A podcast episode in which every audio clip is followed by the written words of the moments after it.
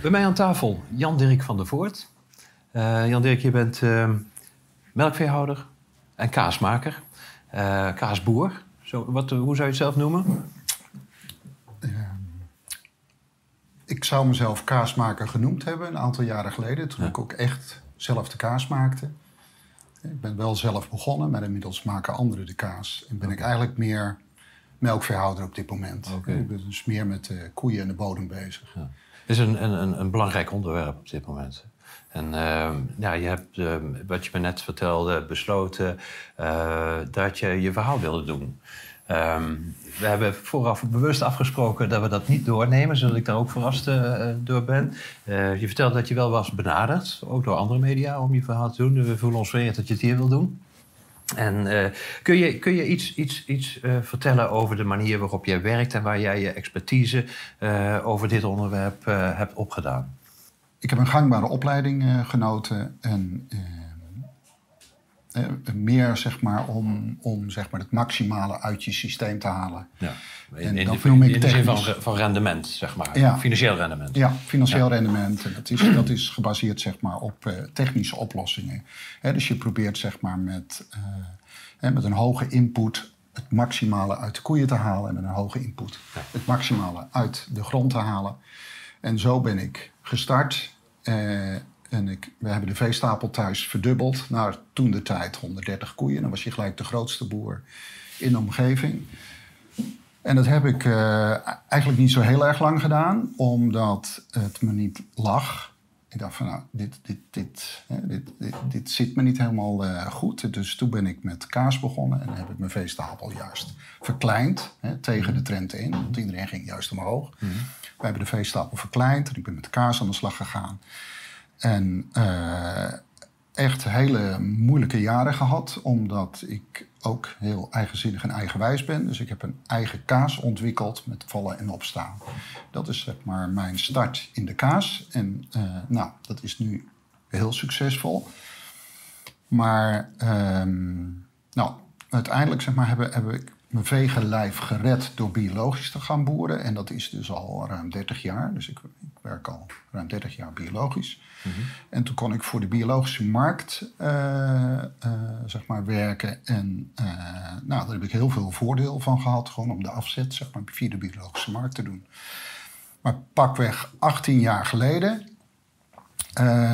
toen, toen zijn we echt hele grote stappen gaan zetten. En toen zijn we eigenlijk ook ook wel een beetje bekend geworden met alles wat we doen. En dat is de overgang van wat ik uh, noem van technisch werken naar natuurlijk werken. En uh, achteraf zeg ik van nou, toen ben ik uit het technische systeem gestapt. Ja. Wat was jouw bezwaar tegen de technische uh, benadering van, van voedselproductie? Nou, ik, ik merkte dat ik zeg maar heel uh, steeds bezig was zeg maar, om te corrigeren. Dus steeds bezig om, om, om dingen die binnen dat systeem fout gaan, om die weer recht te krijgen.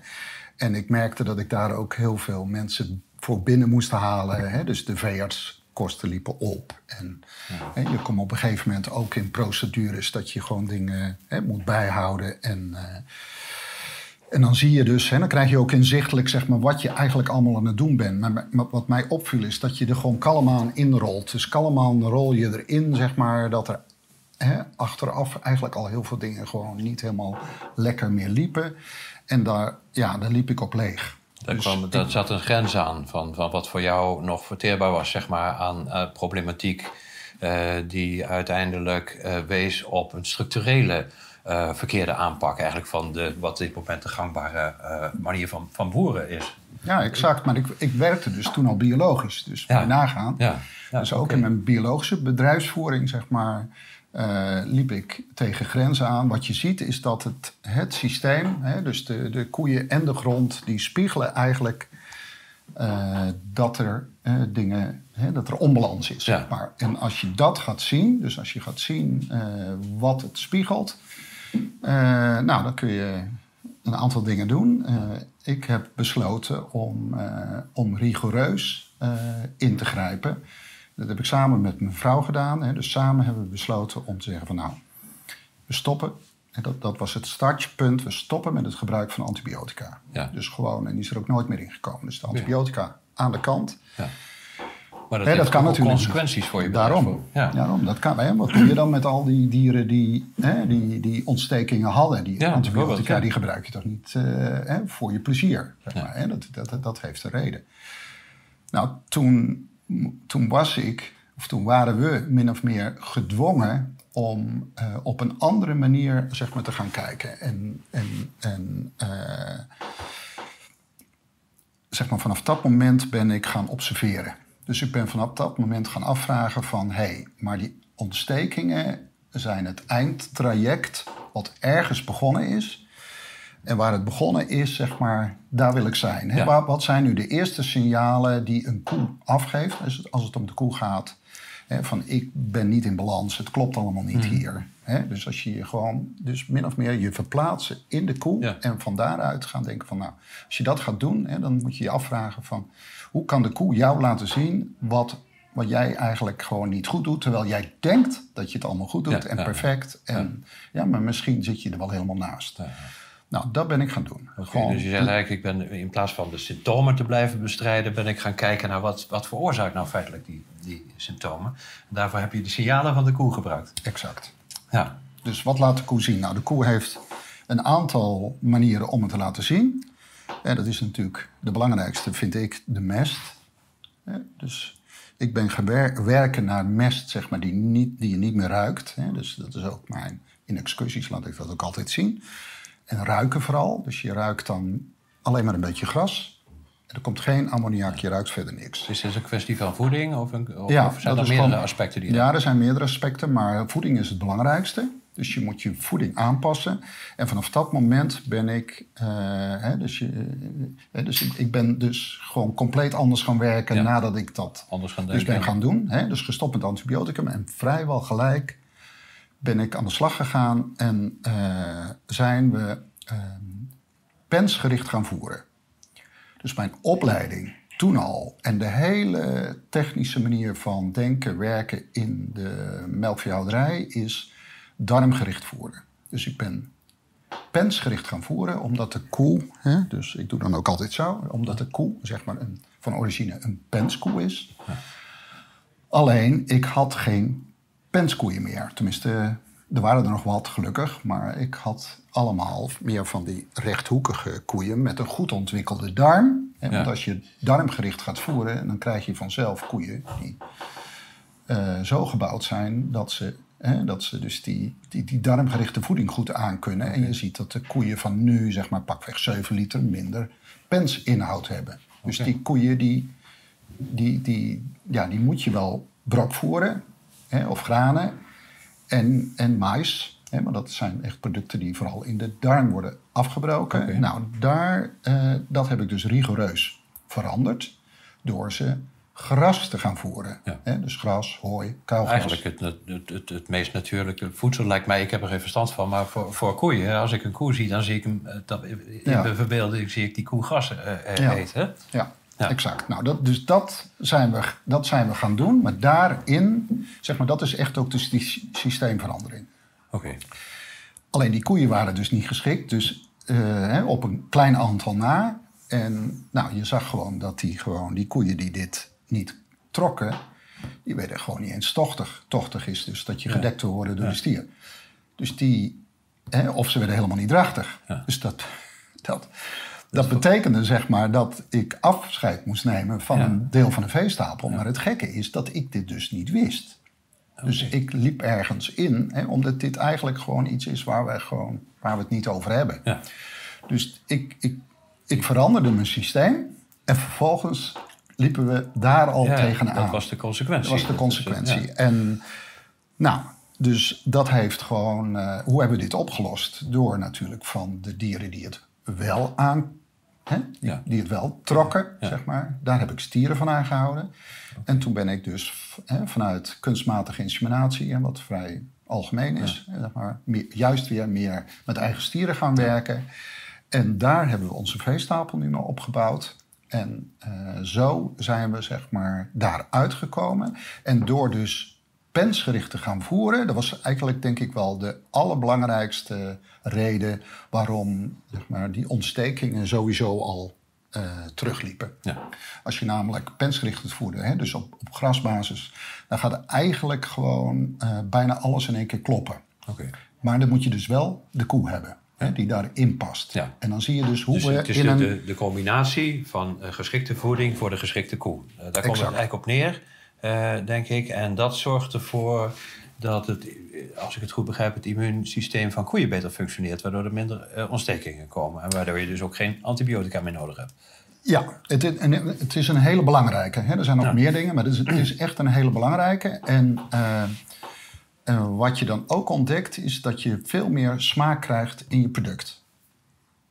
Ja, dus Want- het welzijn van de, het dier uh, proef je nee, de voeding. De voeding. Ja, ja. Uh, De welzijn heeft er zeker ook mee te maken, maar de, ik, ik, uh, de voeding, hè, wat erin gaat, komt eruit, zeg maar. Hè, dus die mest die al zo mooi verteerd is. Hè, die uiteindelijk gewoon, eh, hè, daar kunnen we het ook over hebben zo, maar die, die mest die zo mooi verteerd is voor de bodem, gaat heel veel doen in de bodem. Maar als we even het spoor nemen van de melk, hè, waar, hè, waar we ons geld mee willen verdienen, dan zie je dus dat die omega-6, omega-3 verhouding, die gaat naar 1 staat tot 1. En die is pakweg 8, 9 staat tot 1, hè, normaal gesproken. En die gaat Binnen de, 1 com- tot de, de, de, Ja, de, normaal de, ge- de hè, dat is gewoon- bedrijfsmatige commerciële... Dat is eigenlijk gewoon al, als je hè, mais, wat, hè, ma- snijmais, zeg maar, wat gewoon zeg maar, 25% hè, van het rantsoen normaal gesproken is bij een boer. Hè, wat dus eigenlijk een darm, hè, wordt vooral in de darm afgebroken. Nou, die heeft een omega-6, omega-3 verhouding van 30 tot tot 1. Maar en soja, ik- wat betekent 50 dat voor een leek als, eh, als, Nou, als ik? Omega-6, zeg maar, hè, kort door de bocht, is zeg maar, eh, ontstekingsbevorderend. Oké, hè, de ontstekingen. Ja. Omega-3 is ontstekingsremmend. Oké. Je hebt het allebei nodig. En als je je moet eigenlijk nog een verdieping dieper kijken. Je moet ook de goede omega-6 hebben en de goede Ja, oké. omega-3's. Ja, het is een hele wetenschap. hè? Ja, het is een hele wetenschap. En je, het, het maffe is dus dat je, of het maffe, het is eigenlijk ook heel logisch, dat als je de koe volgt, hè, de koe wil gewoon, dat is een penskoe, en moet hij die pens hebben, moet je hem zo fokken, dan moet je dus ook zorgen dat die koe dus ook dat krijgt, hè, dat gras. En dan zie je dus dat de melk die eruit komt, hè, dat meten wij ook, teruggaat naar binnen zelfs 1 staat het 1. En dan zie je dus dat de ontstekingen ophouden. Oké. Dus de ontstekingen ze hebben onder andere te maken, er zijn meer dingen hoor, maar hebben onder andere te maken met, hè, we moeten het zo even over de horens hebben, die hebben onder andere te maken met de, met de voeding, hè, die feitelijk bij mij op een bedrijf in die ontstekingstijd, ondanks dat we biologisch waren, eh, niet natuurlijk was. Ja, oké. Dus dat heb je geleerd. Eh, zeg maar, door, eh, door, mag ik zeggen, door schade en schande? Ja, maar vooral, eh, ik heb zeker, maar wat ik, ik heb het gewoon geleerd van de koe. Ja. Dus ik ben gewoon, zeg maar, hè, van degene die dacht dat hij alles kon beheersen en kon doen. Ja. Hè, dat was mijn opleiding ook. En ik was echt een, ja, een leerling die, ook, die, die dit ook ging uitvoeren, zeg maar. Heb ik gewoon geleerd, op een stap terug. En heb ik geleerd, zeg maar, dat heel veel dingen eh, zelfs het omgekeerde zijn als wat mij geleerd is. Ja. Als je zeg maar, meer natuurlijk gaat denken. Dus dat je zegt van nou, laten we nou, hè, laten we nou eens kijken wat de koe zelf wil. Want nou, hoe kom ik anders van die ontsteking af? Ja. Hè, want uiteindelijk ben ik natuurlijk helemaal van die ontsteking afgekomen. Want we hebben die antibioticum nooit meer ingezet. En ehm, nou, laten we dan gelijk de horens van de koe meenemen. Want eh, dat was eigenlijk, dat volgde onmiddellijk op eh, dat wij anders zijn gaan voeren. Dachten we van ja, dan kunnen we gewoon die horens van die kalfjes niet meer. Hè, die worden gewoon onthoornd. Hè, kalfjes. ja. hè, dan Vanwege twee praktische overwegingen. Ja, maar het is ook het, is ook het systeem. Kijk, eh, als je dieren... Dieren zijn van natuurlijk gehoord. Hè? Dus, eh, je ziet hier ook plaatjes van koeien hier. Ja. En dan zie je ook dat ze, Dat eh, dat ze een horens Ze hebben. horen horens te hebben. Die horen horens hebben. Nou, als ze dus... Ze worden onthoornd vanwege het efficiënte technische... en vooral efficiënte technische systeem. Ik Ja. deed dat ook altijd. Immers, hè, je, een stal bouwen is heel duur. Hè, eh, als je ze gehoornd houdt in een stal, dan kun je niet werken met lichtboxen. Want dan, als er dan een koe in staat en dan komt een gehoornde koe aan, die koe kan niet meer weg, die kan hem gewoon lek prikken. Ja. Want hij kan niet weg. Dus je moet al een open stal hebben. Zodat ze elkaar kunnen Dat ontwijken, als het ware. Ja, en ze ervaren elkaar sneller. Hè? Ze hebben een aura, zeg maar, die ruimer is. Dus zij ervaren elkaar sneller. En dat betekent dat je ongeveer twee keer zoveel ruimte moet maken. ja. En je moet ook ruimte maken, zeg maar, dat ze rond kunnen lopen. Dus we hebben een ronde stal ontworpen voor de gehoorde dieren met heel veel ruimte. Nou, dat is een kostprijsverhoging van ongeveer 6 cent per liter. Ja. Hè? En welke consument gaat dat betalen? Nou ja, die de 6 cent mensen- misschien nog wel, maar dat, daar komen dan natuurlijk ook alle eh, opmarges eh, van, van de verkoopkanalen nog, nog Exact. op. Dus dit, dit is gehoorde. hè, ik zeg altijd. Wie gaat gehoorde koemelk betalen? Ja. Dus de, dan, dan zie je dus dat we een systeem met elkaar ontwikkeld hebben. waar we ook met z'n allen verantwoordelijk voor zijn. en waar Ja. we met z'n allen gewoon in zitten. Ja, ja, dus de, En waar we je met zegt de bereidheid van de consument om een bepaalde prijs te eh, betalen... heeft invloed op de bedrijfsvoering van de producent. Ab- absoluut. Ja. absoluut. Dus ik, ik, ik snap ook heel goed waarom, hè, de horen, waarom we zonder horens werkten. Maar Ja. Als je. Wat is het voordeel eh, ehm, als je het nu hebt vanuit zeg maar, biologisch eh, oogpunt, hè, en werkelijk biologisch, hè, zo, op de manier waarop je bent gaan denken, zoals ik het nu eh, hoor van je, was het voordeel om de koeien gehoornd te laten? Nou, eh, gehoorndheid heeft met biologisch, zou met biologisch heel veel te maken moeten hebben, maar dat heeft het niet. Mhm. Wel met biologisch dynamisch.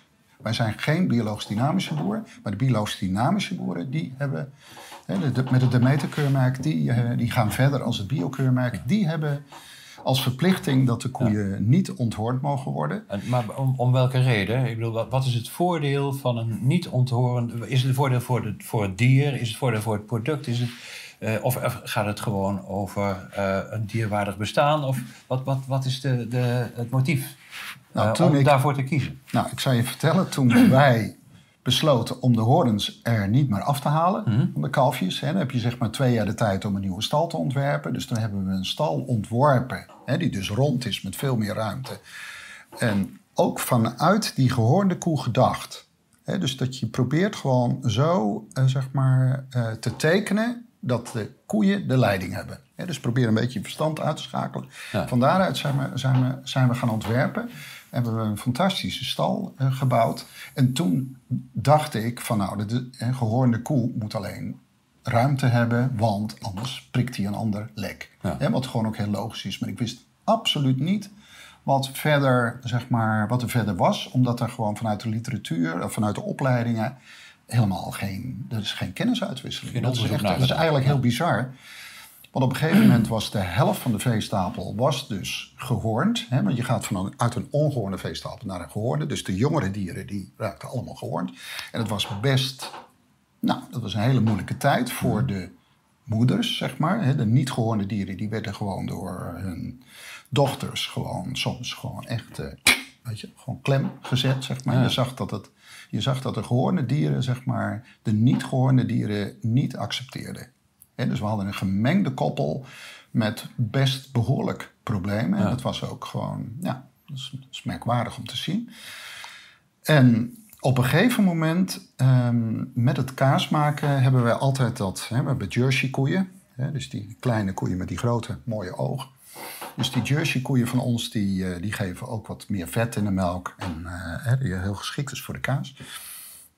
Dus op- wij, wij zagen zeg maar dat eh, vetbolletjes, die, die komen altijd omhoog bij het kaas maken. Als je, hè, want dan staat de boel een poosje stil.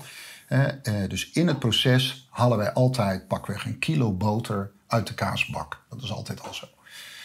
En die boter die was met die ongehoorde koeien eigenlijk altijd een beetje, een beetje ranzig. Was niet echt lekker. Dus die ging gewoon, eh, die gooien we gewoon weg. En op een gegeven moment, hè, je hebt altijd wat aan je vingers. Als je het eraf haalt, denk je, tjoe, Het is wel goed. is lekker. Ja. Dat was voor ons zo. Ik weet het nog precies. En dan denk je nou, hè, bij de volgende keer kaasmakers opletten of dat hè, is toeval of eh nee, dat was weer zo. En toen gingen we het gebruiken gewoon, eh, want dit gooien we niet meer weg. Het is hartstikke lekker. Maar ondertussen natuurlijk wel de vraag van, wat, wat, wat, wat kan dit toch zijn? Ja, dat, is toch, dat, is toch, dat is toch gek? Wonderlijk. Dus toen ben ik gaan googlen. In Nederlands vond ik niks, maar ik kan ook vrij goed Duits. Dus ik uh, gehörnte kuur. En toen vond ik gewoon ergens een linkje met dat de vetzuursamenstelling anders is van gewone koeien. En dat de, dat de smaak, er zit meer smaak aan. Ja. Ik denk, verrek, dat, dat is toch ook wat? Dat, dat wist ik niet. En toen ben ik er pas ingedoken. Toen, hebben we, toen kwamen we erachter, eh, hè, want dan kwamen natuurlijk steeds meer gewone dieren bij. En toen kwamen we erachter dat het product alleen maar beter werd. Dus de kaas werd ook veel beter, de melk was veel lekkerder. En toen ben ik met de Universiteit van München, eh, met wat hulp, zijn we, hebben we gezegd van nou, de gehoorde en de ongehoorde koemelk, die, ja, die, die, die houden we even uit elkaar. En hè, ze hebben hetzelfde rantsoen en dan gaan we het dus onderzoeken. Ja. Nou, totaal andere vetzuursamenstelling. Met nog eens een keer anderhalf betere omega-6, omega-3 verhouding. Ja. Nou, dus daar waren we natuurlijk heel erg blij mee, maar ook eigenlijk wel verrast. Nou, en vervolgens kom je gewoon in een heel gebeuren, zeg maar, wat die horens betreft. Eh, ik, ik heb heel veel opgestoken van een kruidenman waar ik mee werk. Ben ik ook in die tijd eh, mee in aanraking gekomen. Dat is denk ik de laatste kruidenman van Europa. En die heet Hubert, Hubert Kremer. En ja, dat is een beetje gewoon, ja, die, die, die vind ik echt gewoon geweldig. Ja. Hij heeft een Nederlandse moeder en een Duitse vader. Eh, spreekt helaas slecht Nederlands, maar hè, verstaat het wel. En daar doen we echt veel mee. En hij heeft heel lang gewerkt bij een proefbedrijf in de jaren tachtig, waar ze toen nog wat onderzoek deden over horens. Dus ik heb van hem, zeg maar, eh, de, de key-informatie en die ik nu iedereen uitleg. En dat is echt bizar, want ehm, de, de hoorn is een stofwisselingsorgaan en is ook levend. Dat zie je ook als een koe zijn hoorn verliest. Hè? Dus dat hij gewoon dat hij alleen dat hulsje verliest, dan zie je gewoon de hoorn helemaal terug. Hè? Dat is dan wel in bloed en met botjes. Maar als die koe heel voorzichtig is, zeg maar, groeit er ook weer helemaal hoorn omheen en dan kan hij hem nog gebruiken. Hè, dus heel vreselijk als een koe gewoon echt zijn hoorn en ergens tussen. Dat is echt heel. Heeft hij maar één hoorn, hè? Eh, Je zegt dus een vitaal orgaan. het is een vitaal orgaan. en eh, ik, eh, ik kan je vertellen dat je, zeg maar, ik kan aan een koe. Hè, we hebben nu koeien van bijna 14 jaar oud. Dat zijn de oudste geworden koeien die we nu hebben. En die zijn, die zijn, die zijn fantastisch. Daar hou ik dus nu ook stieren van aan. Die hebben, zeg maar, elk kalf kun je zien aan de ring. Dus een koe vormt een ring voor het kalf. Dus als het kalf hard groeit in de buik, zoals, hè, dat weet ik sinds kort, eh, zoals eh, vrouwen dat doen met hun tanden. Elk kind een tand. Dus dat je, de vrouwen doen dat als ze hoogzwanger zijn, dan halen ze dus mineralen uit hun tanden. Dat hebben we ja, met een hele bekende tandarts, die ook bij jullie wel eens, eh, meneer Beekman, die, die bij jullie ook wel eens wat doet. Hebben we samen opnames gemaakt en moeten we nog een filmpje van afmaken. Dus de, de, de, de- het moederdier zeg maar, geeft, dus, eh, geeft het, het kalf al iets om te starten mee. Nee, die geeft zeg maar het kalf aan het eind. Aan het eind groeit het kalf zo hard, groeit de baby zo hard, Ja. Dat die dat niet aan kan met wat hij uit de voeding. Die gaat hij gewoon extra, dan gaat hij gewoon mineralen Oh, onttrekken. ja, ja, ja. Het is dus, Oh, de hoorn is dus voor mij vooral een diep mineralendepot. Ja, ja. Waaruit de koe, en dat zie je dus aan de ring. En de De ring koe is heeft dus, als het ware een voorraad voedingsstoffen opgeslagen in de hoorn... die hij aan de embryo kan meegeven tegen de tijd dat, geboren, eh, dat het eh, kalf geboren wordt. voordat het geboren wordt, als het heel hard groeit. En, en dan ontstaat dus die ring. Dus je Ja. kunt zien hoe vaak een koe kalft. Ja. En je ziet dus ook dat tussen het kalveren door, hè, wat ruim een jaar duurt, dat zijn hoorn pakweg zoveel groeit. Dus de oudste koeien hebben echt horens tot hier. Want hè, dat stuk van die kalveren, dat is zeg maar zoveel. Ja. Dat is echt bizar om te zien. Dus je kunt ook logisch uitleggen wat die horens doen. Immers, je ziet die groef. En ik had eh Maori's. En die vertelden, hè, die hadden, eh, zeg maar, die, die, die, die hadden koeien, zeg maar, hele grote horens. En die konden uitleggen dat ze eh, hè, het jaar dat er, dat er gewoon bijna geen voedsel was, dat die dieren, zeg maar, dat gewoon uit die grote horens haalden om te overleven. Ah.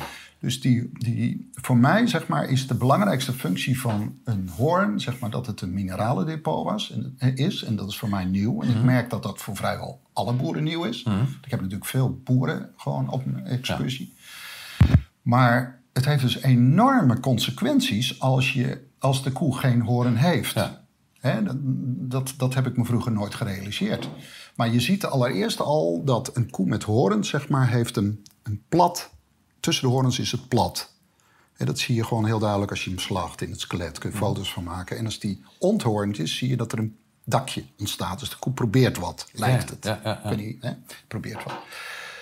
Maar wat gebeurt er nu als een ongehoornde koe zeg maar, hè, voor het kalf staat? Het kalf krijgt voorrang. Dus het kalf krijgt die mineralen. Dat haalt hij uit de klauwen. En Hubert heeft me verteld dat uit onderzoek, hè, wat ze toen gedaan hebben, is exact dezelfde samenstelling van de horens zit ook in de klauw. Ja. Dus de koe haalt depot uit haar klauw en eh, voor het kalf. En naar mijn idee is dit dus de belangrijkste reden dat één op de drie koeien in het technische systeem klauwproblemen heeft en ook vaak gese- uitgeselecteerd wordt. Dat kun je zo vinden. Wat bedoel je met uitgeselecteerd? Nou, geslacht, omdat Oh, ze zo, het niet ja. redt. Want die gaan gewoon voorzichtig lopen. Ja, dat zijn dus koeien die, die zijn niet meer zeg maar, rendabel te exporteren. Ik zeg het misschien Ja, een ja, beetje... ja, ja, ja. beetje Maar het zorgde ook gewoon voor heel veel werk. Ik had dat vroeger ook, hè, want je moet een koe dan. eens in de paar weken moeten ze door een voetbad met formaline lopen. Gewoon om zeg maar allerlei dingen als mortellaro, hè, dat is Ja. een, een, een klauwziekte, om die te onderdrukken. Ja, dus is ook weer een, een, een soort kunstmatige vorm van symptoombestrijding... die je ook bij de bron, bij de oorzaak hebt kunnen aanpakken nu. Ja, want je, je- ja, het- boeren geloven dit bijna niet. Maar wij hebben dus de laatste koe die wij bekapt heb, hebben, dat is jaren geleden.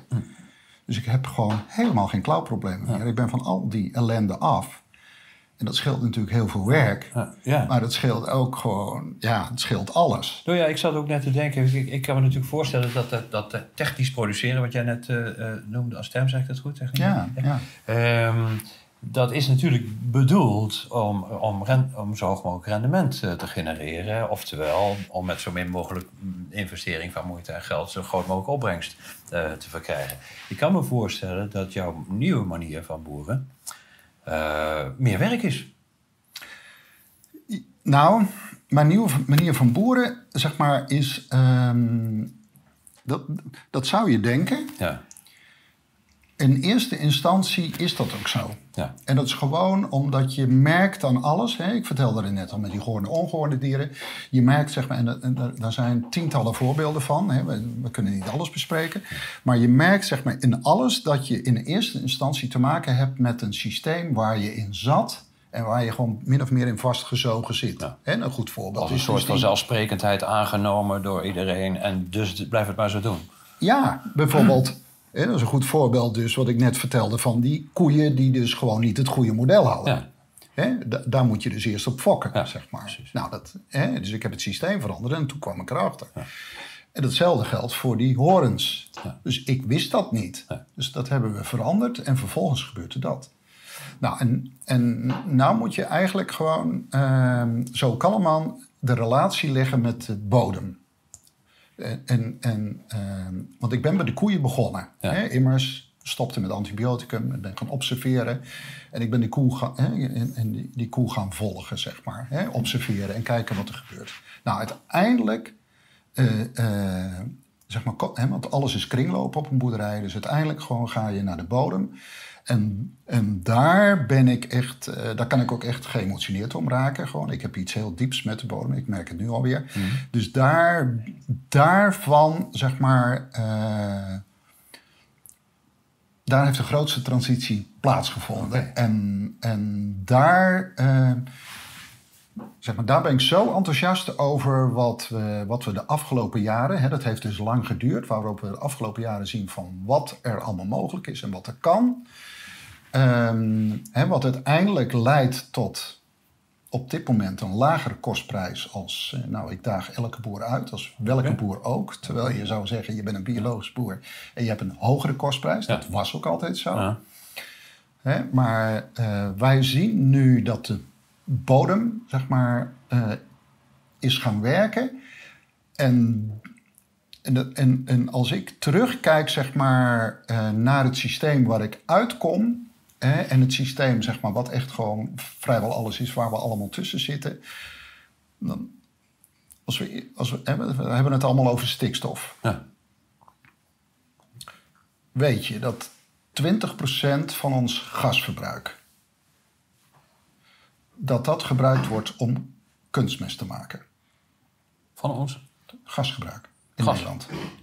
20% van ons gasgebruik Ja. wordt gebruikt Ja. voor kunstmest. Ja. Dat, is, dat is veel. Dat is heel veel. Ja. Dat weten veel mensen niet. Maar als ik je vertel dat van die 20% 40% benut wordt. En dan zeg ik benut, ik zal het zo uitleggen. Ja. Dan wordt het nog bizarder. Waar blijft die 60%? Ja, dat vraag ik me dan ook. Dat was de eerste vraag hier. Wat gebeurt daar dan mee? Een deel, hè, dat ligt eraan. Als het heel nat is, zal het de lucht ingaan. Dat heet denitrificatie. Het andere deel gaat gewoon het grondwater. Oké. Ja? En dan die 40 Ja. Dus die 40% die benut wordt. Die 40% die benut wordt, daarvan zeg ik, hè, het bodemleven wordt daardoor zeg maar gedecimeerd. Ja. Die is dit, terwijl die tot het plafond had moeten reiken. En Door die komt- kunstmest. ja. Het gaat namelijk allemaal om minerale stikstof of organisch gebonden stikstof. Dus, en dan is kunstmest voor mij hetzelfde als drijfmest met, hè, die ook hoofdzakelijk mineraal gebonden is. Hetzel- hetzelfde probleem. Dus daar hebben de biologische boeren ook nog wat te leren, zeg maar. Want ik heb dat ook ontdekt, zeg maar. Dus de plant die vocht nodig heeft. Hè, bijvoorbeeld in het voorjaar. Plant heeft vocht nodig. Die kan niet selecteren als die minerale stikstof, die is namelijk hè, nitraten, die zijn opgelost in het water. Dus die krijgt gewoon Je krijgt dat gewoon binnen. binnen. Dat kan hij niet. Hè? Dat is gewoon Nee. een trechter, zeg maar. Ja, Van, ja. Hij kan niet selecteren, Ja, nee, hij precies. moet het wel. Dus die krijgt dat binnen. En vervolgens, zeg maar, zie je dat die, zeg maar, omdat het ook net onnatuurlijk is, zie je dat de cellen beschadigd raken. En je ziet nog allerlei meer effecten, maar dat zullen jullie gewoon eens een keer, vind, hoop ik, een deskundige voor uitnodigen die dat helemaal kan uitleggen. Maar ik probeer het eenvoudig uit te leggen. Dus die, die cellen raken beschadigd, hè, maar ze groeien wel. Hè, want de boer ziet wat er gebeurt. Ja. Maar nu komt er iets fundamenteels. Dat is namelijk dat de plant met zijn chlorofiel... Hè, want de plant is groen, alles wat groen is. Groen heeft chlorofiel. En die heeft de zon nodig. En die heeft CO2 nodig om suikers te maken. Ja. Nou, die suikers, die zou die... Hè, zo, is het in, hè, zo ging het altijd, zo gaat het bij mij nu ook. Die zou dus voor pakweg Hè, 50 procent, sommigen zeggen zelfs 90 procent of 40 procent. Maar maar, zeg maar een belangrijk deel van die suikers zou de plant moeten afgeven aan het bodemleven. En dan heten het exudaten. Oké. Dus En daar voedt niet, zichzelf, niet alleen zichzelf daarmee, maar ook eh, zijn, zijn omgeving. Ja, als je bedenkt dat één theelabeltje is zeg maar zoveel miljard mensen als er op aarde leeft zeg maar, aan organismen in een gezonde bodem. Oké. Dus daar leeft van alles. Hè? Mycorrhiza, schimmels, Ja. bacteriën, eh, gisten. Er zit van alles, zeg maar, wat gewoon... Je moet het zo zien. Die staan allemaal klaar voor de plant. En Alleen ze krijgen, ze krijgen niks of een heel klein beetje. Een kruimeltje. Waarom? Omdat de plant zeg maar, die suikers gebruikt om die structuur, die, die, die, die cellen die, die een tik gehad hebben, om die te herstellen, heeft hij die koolstof voor nodig. Dus die, ze noemen het in het Engels liquid carbon. Dus die vloeibare koolstof die naar beneden moet gaan, die gaat maar voor een heel klein deel naar beneden, of soms niet. Kun je meten. Ik werk met iemand die dit dus meet. Dus we hebben het niet over modellen, maar gewoon gevalideerd Ja, gemeten. Dus ik, doe, ik, ik doe heel veel met hem. Hij heet Peter van Hoofd. is echt, hij is echt, van, echt, echt heel erg goed. Nou, wat zijn we dus eigenlijk aan het doen? Dus die 40% waarvan we zeggen, die benutten we, daarmee drukken we het bodemleven, zeg maar, tot een heel laag niveau. En daardoor, hè, zegt de boer die een baantje kunstmest vergeten heeft, die ziet gelijk dat daar bijna niks groeit. nou ja. Maar dat komt omdat die, als het ware, die, die, die symbiose tussen plant en, en eh, ehm, grond, bodem, dat die verbroken is. Exact. Die, die, die, die, die Dus dat, is... dat Die is genereert dan de noodzaak voor het gebruik van, Exact. van, van, Ja. van kunstmest. ja, En, en dat proces dat drijft zichzelf dus verder aan. exact. Ja. Nou, dat is er dus aan de hand. Ja, dus ik, ik, als ik het goed begrijp, ehm, ehm, is dit eh, proces ehm, zorgt ervoor ehm, dat het steeds moeilijker wordt voor de gewassen om te, te groeien. En dat er dus steeds de noodzaak voor het gebruik van, van kunstmest uh, Het is verslaafd aan kunstmest. Ja, dus als verslaafd, wij, dat is een beter woord. wij zijn... eh, en ook aan minerale stikstof, hè, vergeet Ja. het niet. Dat is hetzelfde. Hè, en dat komt uit je systeem. Mhm. Dus als je systeem gebaseerd is op drijfmest met, hè, met hoge... Hè, als de koeien zeg maar de turbo aanzetten met eiwit, hè, extra eiwitten... dan zet je de turbo aan, dan geeft de koe ook veel meer melk. Dan zie je dus dat er meer eiwitten, meer stikstof, hè, eiwitstikstof... in de mest zit, mineraal gebonden. Wil de boer ook graag, want dan, ziet hij, dan groeit het nog harder. Dus het systeem is eh, zeg maar, daaraan verslaafd. Wij zien dat dus met percelen die we aangekocht hebben. Dan koop je een perceel aan van een gangbare boer. Die, hè, die perceel heeft altijd kunstmest gehad. En dan zie je dus dat dat gewoon... Want nu let ik erop, natuurlijk wat er Ja, ja. gebeurt. Toen ik hiermee stopte, cold turkey zou je het kunnen noemen. Ook in, die, in het hele verhaal wat ik je net vertelde over gehoorde koeien en alles. Wij, wij hebben zeg maar het hele systeem echt laten schudden. Maar goed, nu, hè, nu, nu, nu, nu zie ik het. Want nu zie hè, je, je, je koopt een perceel aan en vervolgens ga je hè, jouw bedrijfsvoering erop aanpassen. En dan zien wij dus percelen die gewoon pakweg een derde opbrengen van wat het Ja. op zou kunnen brengen. En iedereen, de- iedereen ziet dat het niet wil en het niet gaat. Nou, dan heb ik die Peter van Hoofd nodig die dan meet en zegt... Jan Dirk, het komt. Want anders hou ik het ook niet meer uit. Nee. Dus het heeft dus tijd nodig om, eh, om te herstellen. Daar komt het eigenlijk op neer. Op te herstellen van een, van een, nou ja, je kunt wel zeggen, een verkeerde behandeling. Ja, en, en gewoon een beetje een domme, ja, eh, niet slim, zeg maar. Nou, niet doordacht, ja. Niet doordacht, Ja. maar gewoon, ik wist het ook niet. Ja.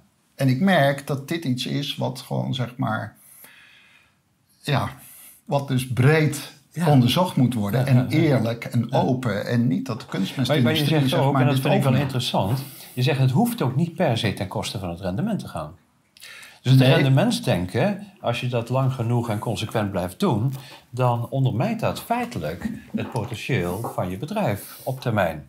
Je zult dat moeten blijven doen en eh, eh, jouw rendement zou daar uiteindelijk ook onder kunnen... Je, je komt in ieder geval op een maximum rendement. Nou, het, ik zie het zo dat er gewoon, ik ben dus een optimist. Ja. Ik zie gewoon, hè, ik ben zelf ongelooflijk enthousiast en daarom ben ik hier ook. Ja. Ik ben ongelooflijk enthousiast als ik zie wat dus mogelijk is. Ja. Alleen, je moet er wel doorheen. Ja, het, En dat- het, het, dat is- een investering in tijd Ja, en geld. is, het is echt dat is immens. als je eenmaal Als jij, transitie hebt gemaakt, eh, kun je dan net zo eh, eh, renderend, en dan, met rendement bedoel ik niet alleen financieel, maar ook qua, qua inzet, tijd, aandacht die je er nodig voor hebt. Nou, kun je net je- zo, ja. net zo renderend zeg maar, bedrijfsvoering op nahouden dan in het wat tegenwoordig het gebruikelijke model is. nou ja, goed, je zou zeggen, het is bijna een sprookje hè, waar we in zitten. Ja, zeker als je het zeg maar, ziet in het licht wat er op dit moment gebeurt. ja, Ik bedoel, wat energie betreft. ja. Om, Nou ja, als je zegt dat er zoveel gas nodig is voor kunstmest die in principe de grond vernietigt, dan eh, lijkt het daar eh, toch een grote winst te behalen. Nou, ik- je zou kunnen zeggen dat wat er nu allemaal gebeurd is, zeg maar, daar is het bodemleven heel erg blij mee. Ja. Want boeren gaan nu echt bezuinigen, want het kost bakken geld. Weet je, het kunstmest kost echt gewoon... Het zou mij 35.000 euro op jaarbasis kosten, gewoon alleen al de kunstmest zelf. Ja. Als je ziet dat de gasprijs nog verder omhoog gaat, kan het nog, nog, nog duurder worden. Dus Dus, als je- boeren die... Ja, Als je op een natuurlijke manier je bodem in orde kunt houden, dan bespaar je dat. Ja, en nog veel meer. Dus niet alleen dat. Hè, wij, wij zijn eigenlijk nog, we zijn net op tijd klaar zeg maar, daarvoor. Omdat wij nauwelijks kosten hebben. Want eh, je moet je voorstellen dat bij ons de koeien op 100% gras zitten. in ieder geval tot nu, hè, de komende tijd, zullen we wel een beetje bij moeten voeren, omdat dat hè, na de langste dag dan wordt het wat lastiger om, hè, dat gras, eh, wat, wat ook een beetje eiwitrijk wordt, zeg maar. Dus er moet een heel klein beetje geblet graan bijvoeren, maar dat is echt minimaal, hè, een kilo ongeveer. Maar verder zitten wij dus op 100% vers gras, wat de koeien zelf halen. Dus ze onderhouden alles zelf.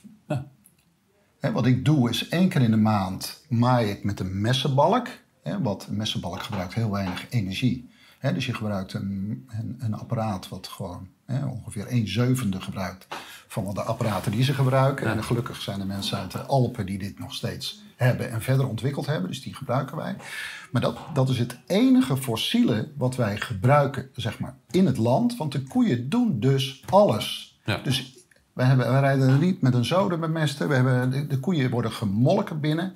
En een uur later na het melken lopen ze weer buiten. Je kunt melken op zonne-energie. Dus je hebt eigenlijk je hebt feitelijk helemaal geen kosten. Daarom zeg ik dat ik op dit moment wel eens wil zien wie ons qua kostprijs, hè, nu die energiekosten zo omhoog lopen, wie, wie ons qua kostprijs kan verslaan. Dat betekent dus dat dit natuurlijke systeem, zeg maar, voor alle boeren die eh, een huiskavel hebben. Hè, je moet wel een huiskavel hebben, want je kunt niet. Wat bedoel je met een huiskavel? Nou, een huiskavel is zeg maar een. een eh, hè, de, waar de koeien kunnen komen als ze uit de stal gaan. Hè, dus als jij gewoon veel land hebt, maar je woont aan een weg en, Ja, ja, ja. Alle, en je kunt er niet over met de koeien. Ja, dan, dan moet, je een tunnel, moet je een lastig. tunnel maken of zo. Maar hoe kom je dan bij de koeien? Ja, dus je moet maar- eh, zeg maar het weiland bij, bij, bij je boerderij hebben. Daar komt het eigenlijk Ja, en dan pakweg drie koeien per hectare. Dat hebben wij. Hè, dat jerseys, maar goed, met zwartbonten zou dat misschien ook wel kunnen.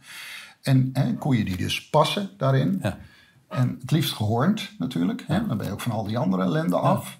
En dan kun je dus zeg maar, met een hele lage kostprijs... eh, hè, de koeien van ons geven 20, 21 liter meetmelk heet dat. Hè. Dat, is, dat is zeg maar, dan heb je de gehaltes omgerekend naar... En dan kun je alles goed, het is vergelijken. een, het is een, je kunt daarmee vergelijken met eh, die, die maat. eh, Nou, ja. Kunnen En wij- wat is, eh, wat is eh, je zegt 21, 20, 21 liter. Wat is, is gebruikelijk in de, wat tegenwoordig de gangbare... Ik denk het dubbele als je gewoon eh, eh, die brok erin stopt. Ja. Maar die brok is dus twee keer zo duur geworden. Ja, dus dat. Je hebt meer kosten. Da- daarnaast eh, eh, heb je ook meer kosten aan het onderhoud van je bodem. Eh, vanwege die kunstmest die erin gaat, die ook Ja. al niet heel rendabel is, et cetera, et cetera. Dus het is een optelsom van aan de ene kant wat minder eh, opbrengst, maar aan de andere kant ook minder kosten en een zichzelf eh, beter onderhoudend systeem. Zeg ik dat goed? Exact. Want je hebt natuurlijk, we hebben geen antibioticum meer, we gebruiken geen wormmiddelen meer. En dat, dat doe ik nu met kruiden. Hè. Dus de, de, de Hubert, hè, de kruidenman, die zorgt voor de kruiden. Ik heb 40 soorten kruiden en die doe ik in een bak. In het land. En de dieren kunnen, ik zie, dat, ik zie dat als zelfmedicatie, dus de dieren kunnen daar gewoon naar behoeven uithalen. En er staan natuurlijk ook heel veel kruiden in het land. Want eh, als je dit gewoon, het natuurlijke systeem, hè, je, je werkt dus nu met de natuur. Hè, ik zie mezelf als onderdeel van die natuur Ja, ja. en als observator. En alleen maar, ik ben alleen maar verbaasd. Ja. Hè, ik, hè, Hoe het zichzelf aandrijft, hoe het zichzelf onderhoudt ja, hoe dat zichzelf onderhoudt. En eh, ja, wij ploegen dus ook niet meer. Dus, ook alweer ja, we verbouwen nu ook granen hè, waarbij we dus niet meer ploegen. En er zijn ook een aantal andere boeren die dat doen. Dus dat, dat is ook zo fantastisch. Maar gewoon in het land, zeg maar... ehm, de- dan zie je dus dat de mest van de koeien, die worden, zeg maar... Dan zie je een mesthoop. En je ziet vervolgens gewoon, eh, dat hebben we ook allemaal gefilmd... Hè, kun je bij ons op de website zien... zie je dus gewoon die vliegen allemaal op die poep gaan. En je ziet vervolgens, hè, met een paar weken zitten de mestkevers erin. En die mestkevers, dan heb je er honderden van. Dat hebben we ook allemaal gefilmd. En dan zie je dus de roeken. Wij hebben een eh, roeken, koudjes, roeken, Ja, hè, lijken een beetje op elkaar. Die hebben een kolonie die bij de meeste boeren, en bij mij ook hoor, vroeger wil je ze niet hebben. Want die, uit verveling gaan ze gewoon plastic balen kapot prikken. Maar als je ze dus gewoon in het land hebt, zijn het onze, een van onze belangrijkste medewerkers in het land. Want die trekken die hopen uit elkaar. Ja, hè, waar die dus geen weidersleep voor nodig heb. Ja. Trekken de hopen uit elkaar omdat er allemaal mestkevers in zitten. En de mestkevers zitten daar omdat wij geen middelen gebruiken. We gebruiken absoluut niks. Hè, de, eh, en daardoor, en omdat die mest zo mooi verteerd is, gaat het allemaal kloppen. Ja. En die trekken gewoon, dat is echt heel mooi om te zien, die trekken gewoon die mesthopen uit elkaar. En uh, een aantal kevers zijn naar beneden. Dus die maken de bodem van onderen los. Ja. En uh, ja, ik, ik val eigenlijk van de ene verbazing nou, in de ja, andere. Dat, dat hoor ik aan je, ja. Dat ja, vind ik mooi om te zien. Wat er gebeurt. en... Je neemt één beslissing en dan heeft dat een hele keten van, van positieve effecten. Andersom werkt het overigens ook zo. Hè? Dus in de tijd zijn er natuurlijk beslissingen genomen van... ja, wij willen rendabeler uh, gaan produceren, dus met kunstmest, et cetera. Maar ook dat heeft een keten van consequenties. Ja, dat, en het loopt steeds verder uit elkaar. Exact. En nu zie je gewoon, je gaat eigenlijk ook weer helemaal naar vroeger. Ja. Dat is ook, zo zou je het ook kunnen zeggen. En, en alleen nu heb je gewoon onderzoeksresultaten. Hè. We, we, we doen veel met Wageningen, dus er worden veel Met de universiteit? Ja, zeker. Uh, gewoon omdat wij het nulmetingbedrijf ja, zijn. Ik kan me voorstellen dat, uh, dat in alle boeren nu zeggen van... ja goed, dit, dit, dit is een veel betere richting. Uh, hoe, hoe, succesvol is, is, is, is dit? Nou ja, goed. Het feit dat ik elke dag zo ongeveer excursies heb. Vandaag dan ja. niet, omdat die niet doorgaan. Maar, maar voor, voor, of voor nee, collega-boeren? Nee, door alleen maar vakgericht. En de excursies duren twee uur. Oké. Okay. En dan, dan zien ze ruiken. En, snap je, ze moeten het ook ja. zien. Ja. De boer moet het ook echt zien. En dan leg ik dit uit. En dan leg ik dit uit, wat ik doe. Hoe, hoeveel boeren hebben je voorbeeld overgenomen? En nog heel weinig. Ja. Nou, dat is gewoon. Ik begeleid op dit moment een aantal boeren uh, in de provincie Gelderland. En, uh, dus ik, ik, en dat zijn gangbare en biologische boeren door elkaar. En het is ongelooflijk leuk om dat te doen, maar ook een uitdaging, omdat zij natuurlijk gewoon. Hè, ze komen me net uit en ze gaan dat cold turkey van mij gaan ze niet doen. Snap je? Want dan nou ja, moet je dat wel... is natuurlijk wel iets wat je, wat je dan vraagt van iemand. Hè? Om, uh, als hij hiervoor wil beslissen, dat je door zo'n moeilijke, nou moeilijke, door een, een zwaardere periode, een periode met misschien een lager rendement. En daarvoor heb je natuurlijk ook een financiële reserve nodig. Om, uh, je, hebt, je zit bij je kosten, dat zul je ongetwijfeld uh, meegemaakt hebben. Um, hoeveel boeren zouden hier in praktische zin in staat zijn om deze transitie in hun eigen bedrijf door te voeren? Heb jij daar een idee van? Ik bedoel, zeg je nou, de meeste, Nou, bij de meesten zullen dat niet overleven? Nee, of- dat- of- die zullen niet. De, Of niet nou, in ieder geval, je zult in ieder geval je veestapel moeten aanpassen op je grond. Ja. En dat is ook wat je nu ook wel veel hoort. Ja. Hè, Ik zit in netwerk grondig. Hè, dat zijn zeg maar toch best veel boeren. Hè, dus zeg maar de, pakweg de helft van de boeren is grondgebonden. Mhm. Nou, die boeren die hoor je misschien wat minder, maar in netwerk grondig zijn ze wel eh, actief. En de, hè, de VBBM, dat zijn de boeren, daar ben ik ook lid van. Dat zijn de boeren die bovengronds uitrijden met mest. Hè, en niet met die zware machines, met die zodenbemester. hè, dat wat, wat gewoon technische oplossingen zijn, wat eigenlijk gewoon bizar is Ja, dat we dit zo gedaan hebben. Nou, de- deze boeren die zijn gewoon wakker. Hè, die, eh, daar, nou, wakker echt dat zij wel door. Hè, want zijn ze, als je bovengronds gaat uitrijden, dan Ja. vind ik wel dat je wel. Nou ja, ze beseffen in ieder geval Ja, dat- het, dat, het, dat het niet alleen beter is, maar ook noodzakelijk begint te worden. Ook, en het zijn ook boeren die gewoon eh, zich niet neer hebben willen leggen bij hè, wat de overheid zeg maar als technische maatregelen. De overheid is zeg maar gewoon met modellen en technisch. Nou, hè, dat hebben we. We hebben het eh, dan bijvoorbeeld over de stikstof, Ja, ja, vermeende ja. stikstof. Ja, dat, is gewoon, dat, dat zijn gewoon allemaal boekhoudkundige, modelmatige technische oplossingen. Ja. Die niet gevalideerd zijn. En eh, wat wij doen. Wat bedoel je met niet gevalideerd? Nou, die zijn niet, die zijn zeg maar modellen moet je valideren. Je moet Ja, met je moet modellen ze in de, in de praktijk eh, brengen en kijken of, of Je ze kloppen. Wel wel weten of het klopt. Ja, ja. Nou, wij zien dus nu, met deze boeren doen we dus heel veel metingen. Hè, want dat vind ik... eh, Ik heb zelf het plan geschreven, zeg maar. Ik heb dus natuurlijk heel lang nagedacht... hoe kan ik die boeren nu meekrijgen in wat wij noemen natuur-inclusieve landbouw. Ja. Dus dat je met de natuur gaat samenwerken. Dat is wat wij dus in grote mate doen. Dus hoe kan ik ze meekrijgen? Dat zijn al de betere boeren van Gelderland die we hebben. Mhm. Eh, waar, waar ik alleen maar heel veel respect voor heb. Nou, die, hoe krijg je ze mee? Die krijg je mee, zeg maar, als je eerst eens, een keer- als je ze eerst eens in beeld brengt... wat is er nu werkelijk aan de hand op je bedrijf? Ja. Dus we hebben een nulmeting gedaan met Peter van Hoof... om te kijken van hoe ziet die kringloop eruit. Mhm. Hè? Dus alles wordt, zeg maar, gemeten. Nou, en, en dan zie je al de verschillen. En dan zie je al, hé, hey, jij verliest zoveel. Ik, ik, eh, afgelopen week zeg maar, werd bijvoorbeeld eh, bij één boer duidelijk... dat hij 73 kilo stikstof zeg maar, ging naar het grondwater. Dat kon je aantonen. En het was ongeveer ook de hoeveelheid die, die hij aan kunstmest... of minerale stikstof in ieder geval in het systeem stopte. Ja. Dus je zou kunnen Dus zeggen bijna 73, 100%, eh, 73 kilo, hè, dat is 73 en een euro per kilo stikstof. 73 euro per hectare Ja. is gewoon weggespoeld. Ja. Nou, dat is een hele slimme boer, maar hij, was, hij, hij, hij werd helemaal rood. Omdat hij dat in één keer snapte niet. Het omdat het gewoon. Om- het omdat het een gewoon gewoonte gemeten. was het eh, en Ja. hij heeft er nooit bij stilgestaan. En als je het hem laat zien, dan denk je, wauw, wat... wat- Ja. Dus dat, zeg maar, zo, zo kom je, zeg maar, proberen we zeg maar, verder te komen om, om dat, dat je het gaat begrijpen en dat je gewoon dan vervolgens durft om, hè, en dat, Ja, dat, dat doen ze ook, hè, dan worden proefveldjes aangelegd met half kunstmest of geen kunstmest. Hè, en dan gaan we dat volgen en dan gaan we natuurlijk meten en dan gaan we er steeds naar kijken. En, en hè, hetzelfde met niet ploegen. Nou, hoe kunnen we dat doen? Nou, niet te ploegen en om te kijken, nou, je rantsoen eh, veranderen. Dus zo zijn we met die boeren bezig om dat allemaal, zeg maar, hè, verder. Een beetje, om ze hoe enthousiast zijn? Vind je, is het moeilijk om, om, eh, om, om enthousiaste boeren te vinden? Is er een weerstand?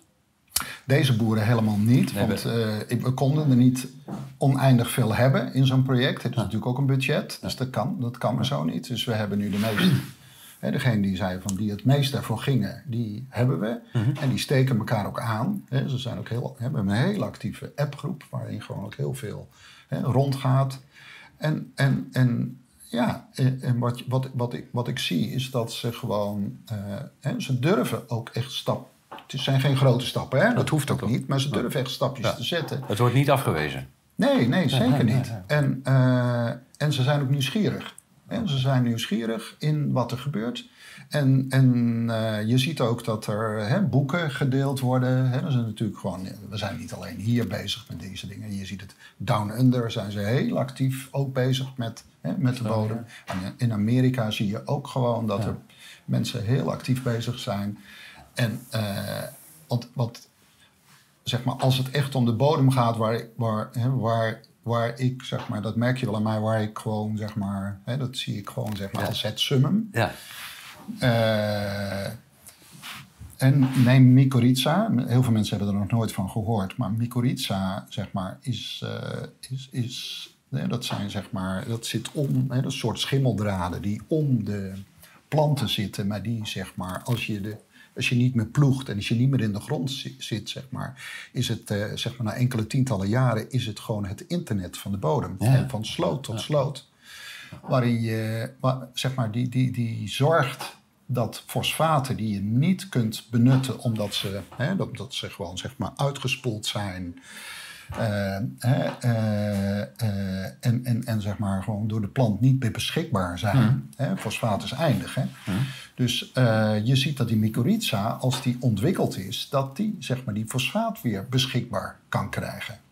Hè, allemaal dat soort dingen. En dat de mycorrhiza, zeg maar, vroeg in het voorjaar, als het koud is, zeg maar, al de stikstof levert. Dus ik had dit voorjaar, Dus dus je koud hebt minder kunstmest nodig. Ja, ja. En minder Sterker gas om het te maken.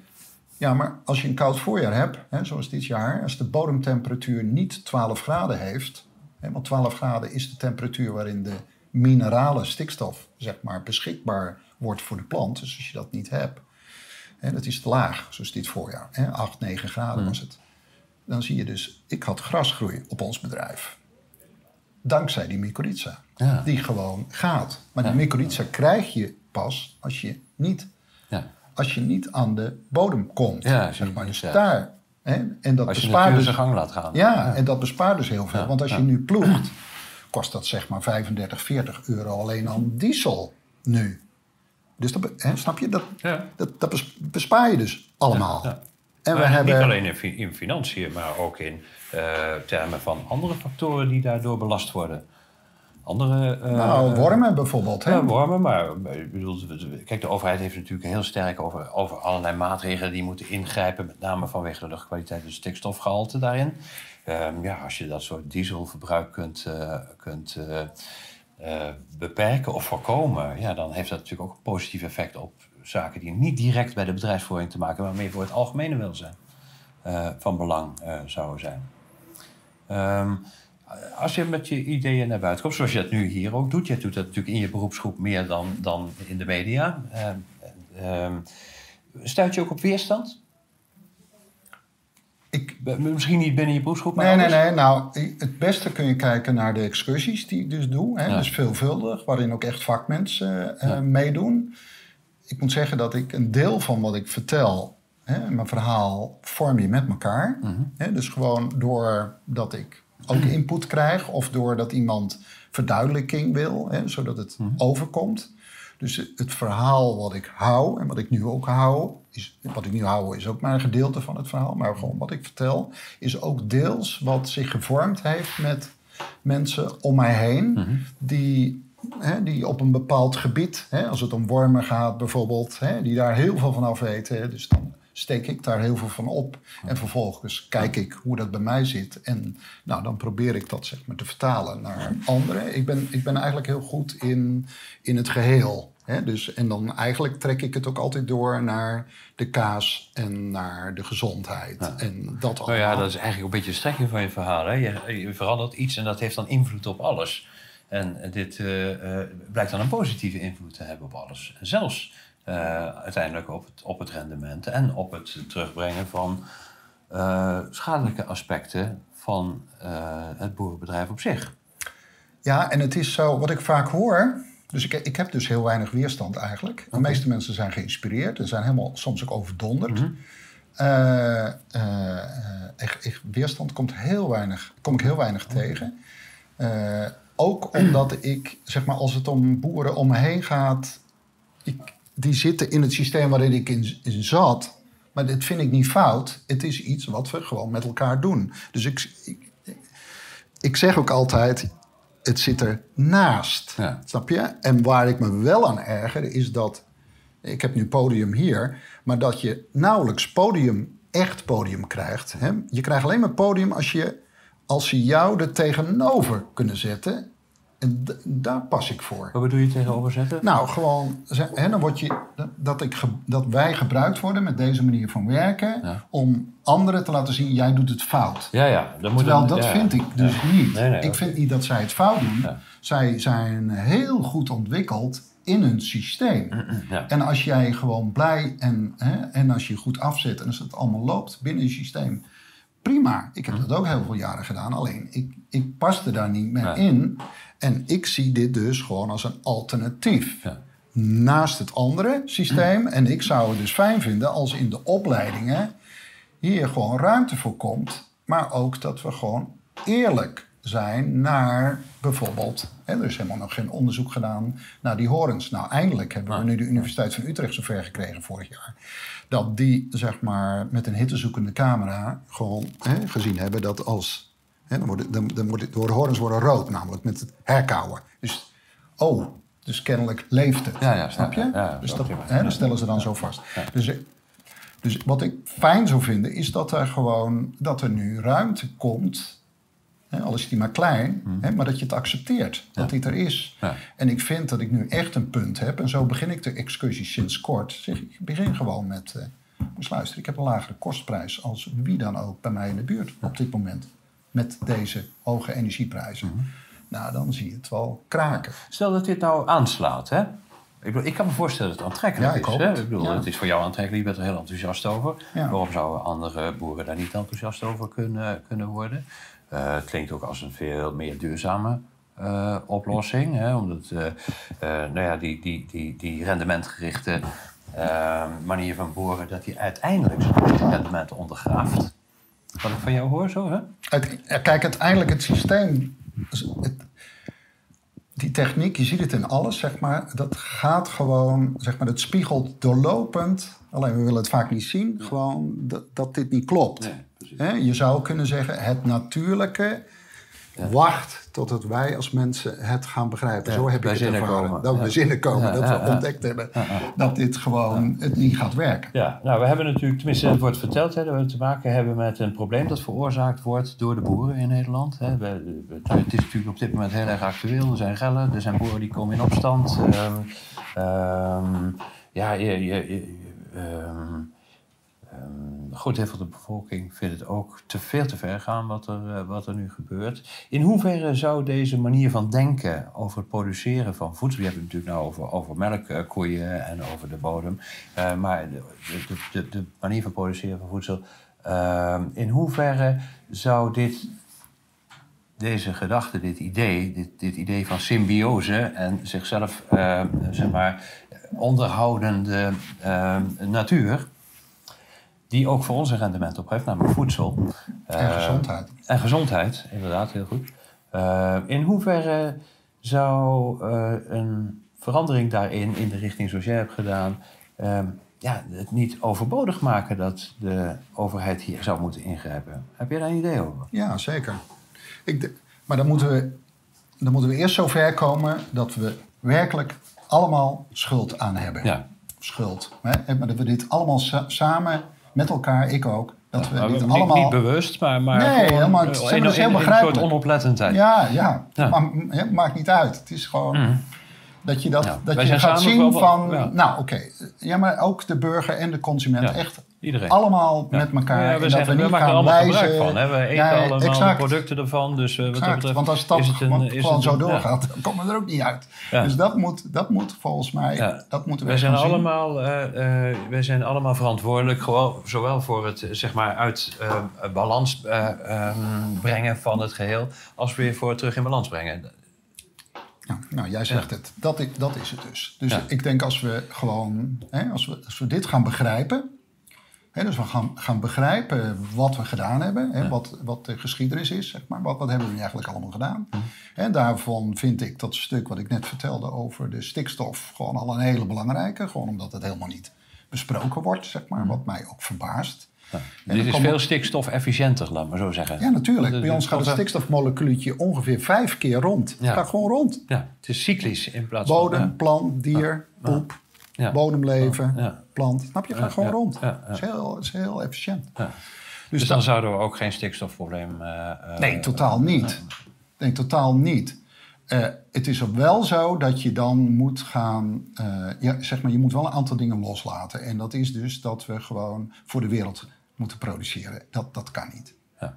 Dat, gaat, dat is gewoon onmogelijk. ja, dat- zeg maar, daar heb je zoveel input voor nodig. Ja. Maar die input kost dus nu zoveel energie. Je ziet dus dat de goedkope producten, hè, die in de winkel waren, de goedkope producten, die, dat waren juist de producten waar heel veel energie voor nodig is. Mhm. Je moet het bewerken.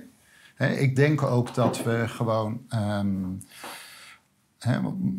ik zou zeg maar ook eventjes het, het, het stukje eh, mee willen nemen of door willen trekken naar. We hebben het nu over, we hebben het nu, nu over de kringloop gehad, bodemplan dier, maar uiteindelijk komt er dus poep uit. Nou, dat is duidelijk en dat gaat weer terug. Maar laten we het nu eens even over de melk hebben. Dus het product wat er uitkomt, hè, daar kun je.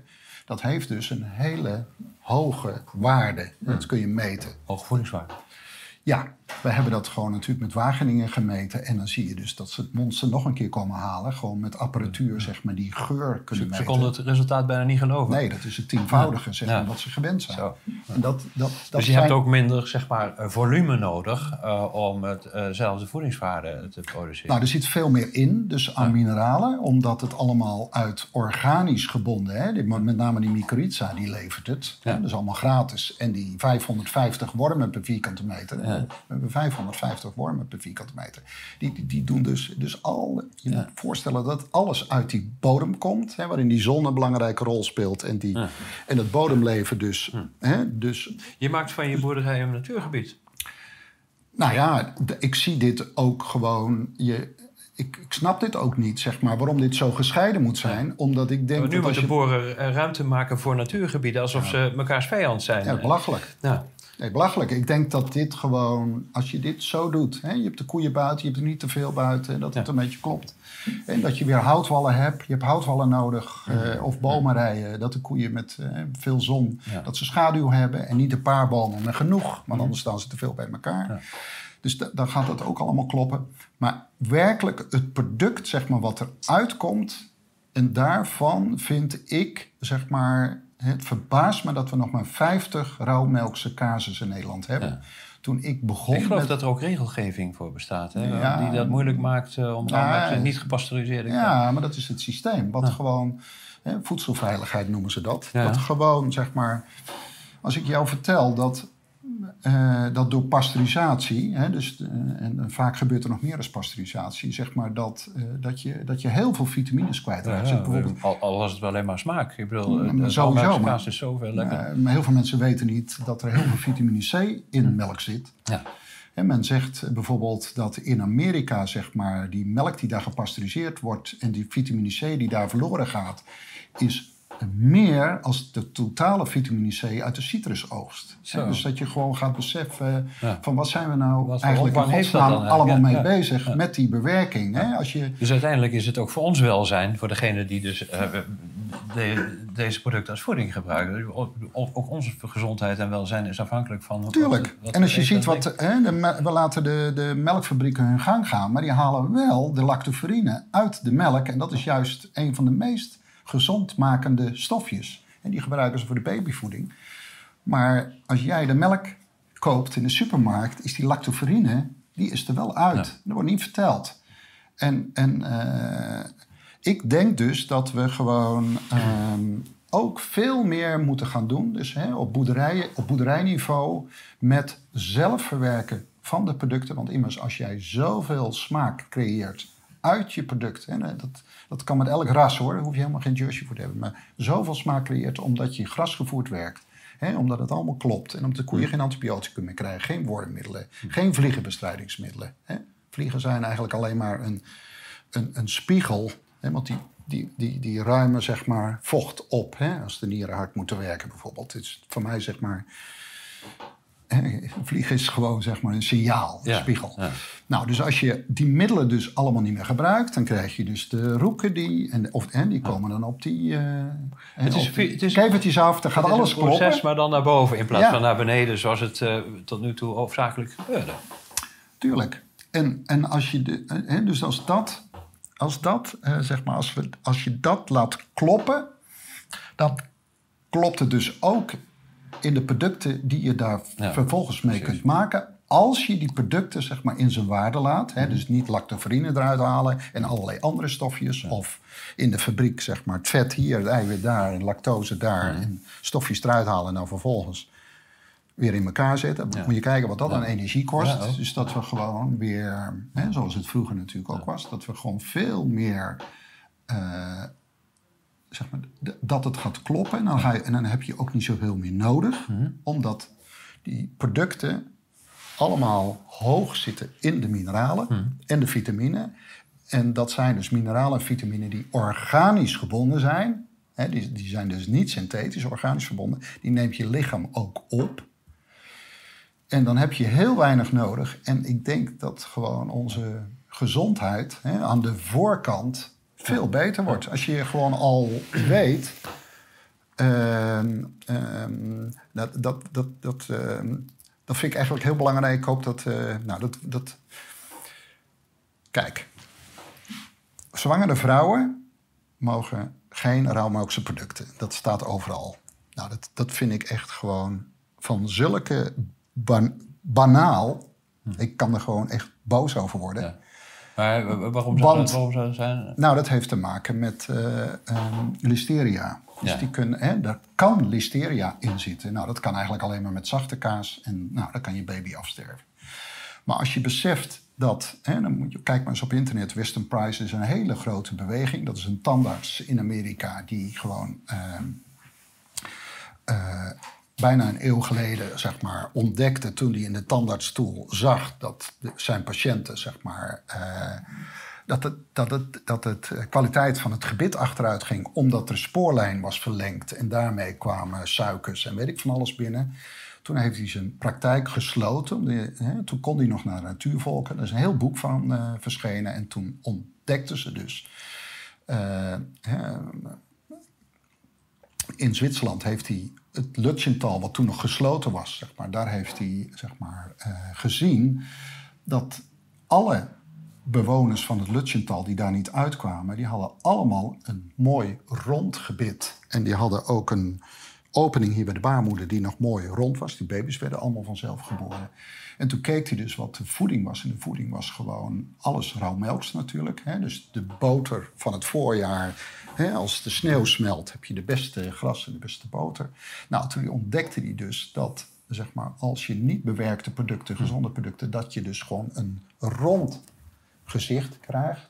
Oké. Als, als een soort, zeg maar, eh, eh, eh, ehm, symptoom van gezondheid. Daar komt het eigenlijk op ja, maar nu zeggen wij dus van de zwangere vrouwen moeten dus geen, hè, die moeten, Ja. want het is een risico. Maar daarmee zorg je dus dat er baby's geboren worden die een te smal gezicht hebben, die naar, later naar de orthodontist moeten, Ja. omdat ze gewoon die, die organisch gebonden vitamines en mineralen missen. Oké.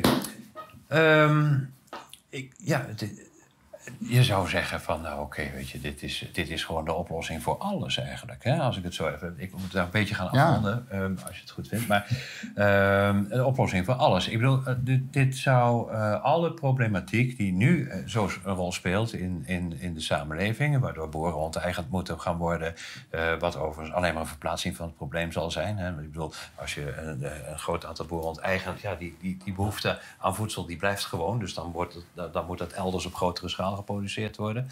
Ehm, ehm, het wordt tijd voor herbezinning. Dat, is- dat is ja, waar eh, maar we hebben de mensen. Kijk, de men- wij hebben dus per persoon 15 koeien. hè? Ja, Dus je hebt de mensen ook echt nodig. ja. En je hebt de grond nodig. Het is doodzonde dat er zonnepanelen op komen of wat andere dingen. Je hebt ja, straks echt de grond hard nodig. Dus daar moeten we naar kijken. En het hoeft helemaal niet naar natuur. Belachelijk. Als je het op deze manier doet, hoeft dat ook helemaal Mhm. Nee, niet. maar dat wil ik ook zeggen, het is, het, het is eigenlijk voor alles eh, heeft het een positieve uitwerking. Zoals je zegt, voor de gezondheid van de grond, gezondheid van de, van de dieren, van de koeien. eh, zelfs voor de gezondheid van het rendement op termijn. eh, maar ook voor onze eigen gezondheid, want wij hebben die producten nodig om, om te kunnen leven. Dus je, je maakt zo een veel meer symbiotisch model van iets dat nu gezien wordt als een bedreiging. Wat sowieso al een heel idiote gedachte is. Ehm, ik zou zeggen, presenteer je plan in de Tweede Kamer. Dan kunnen al die plannen, die, die destructieve plannen worden, worden ingetrokken. En dan is de boel opgelost. Ik, het is misschien wat simpel gedacht. Nou ja, maar toch, ik, ik hoop denk dat, eh, dat ze naar Weltsmerts eh kijken. Ja, Dan, dat hoop eh, ik ook. ja. Dat hoop ik ook. Heel erg bedankt voor je bijdrage. Dankjewel.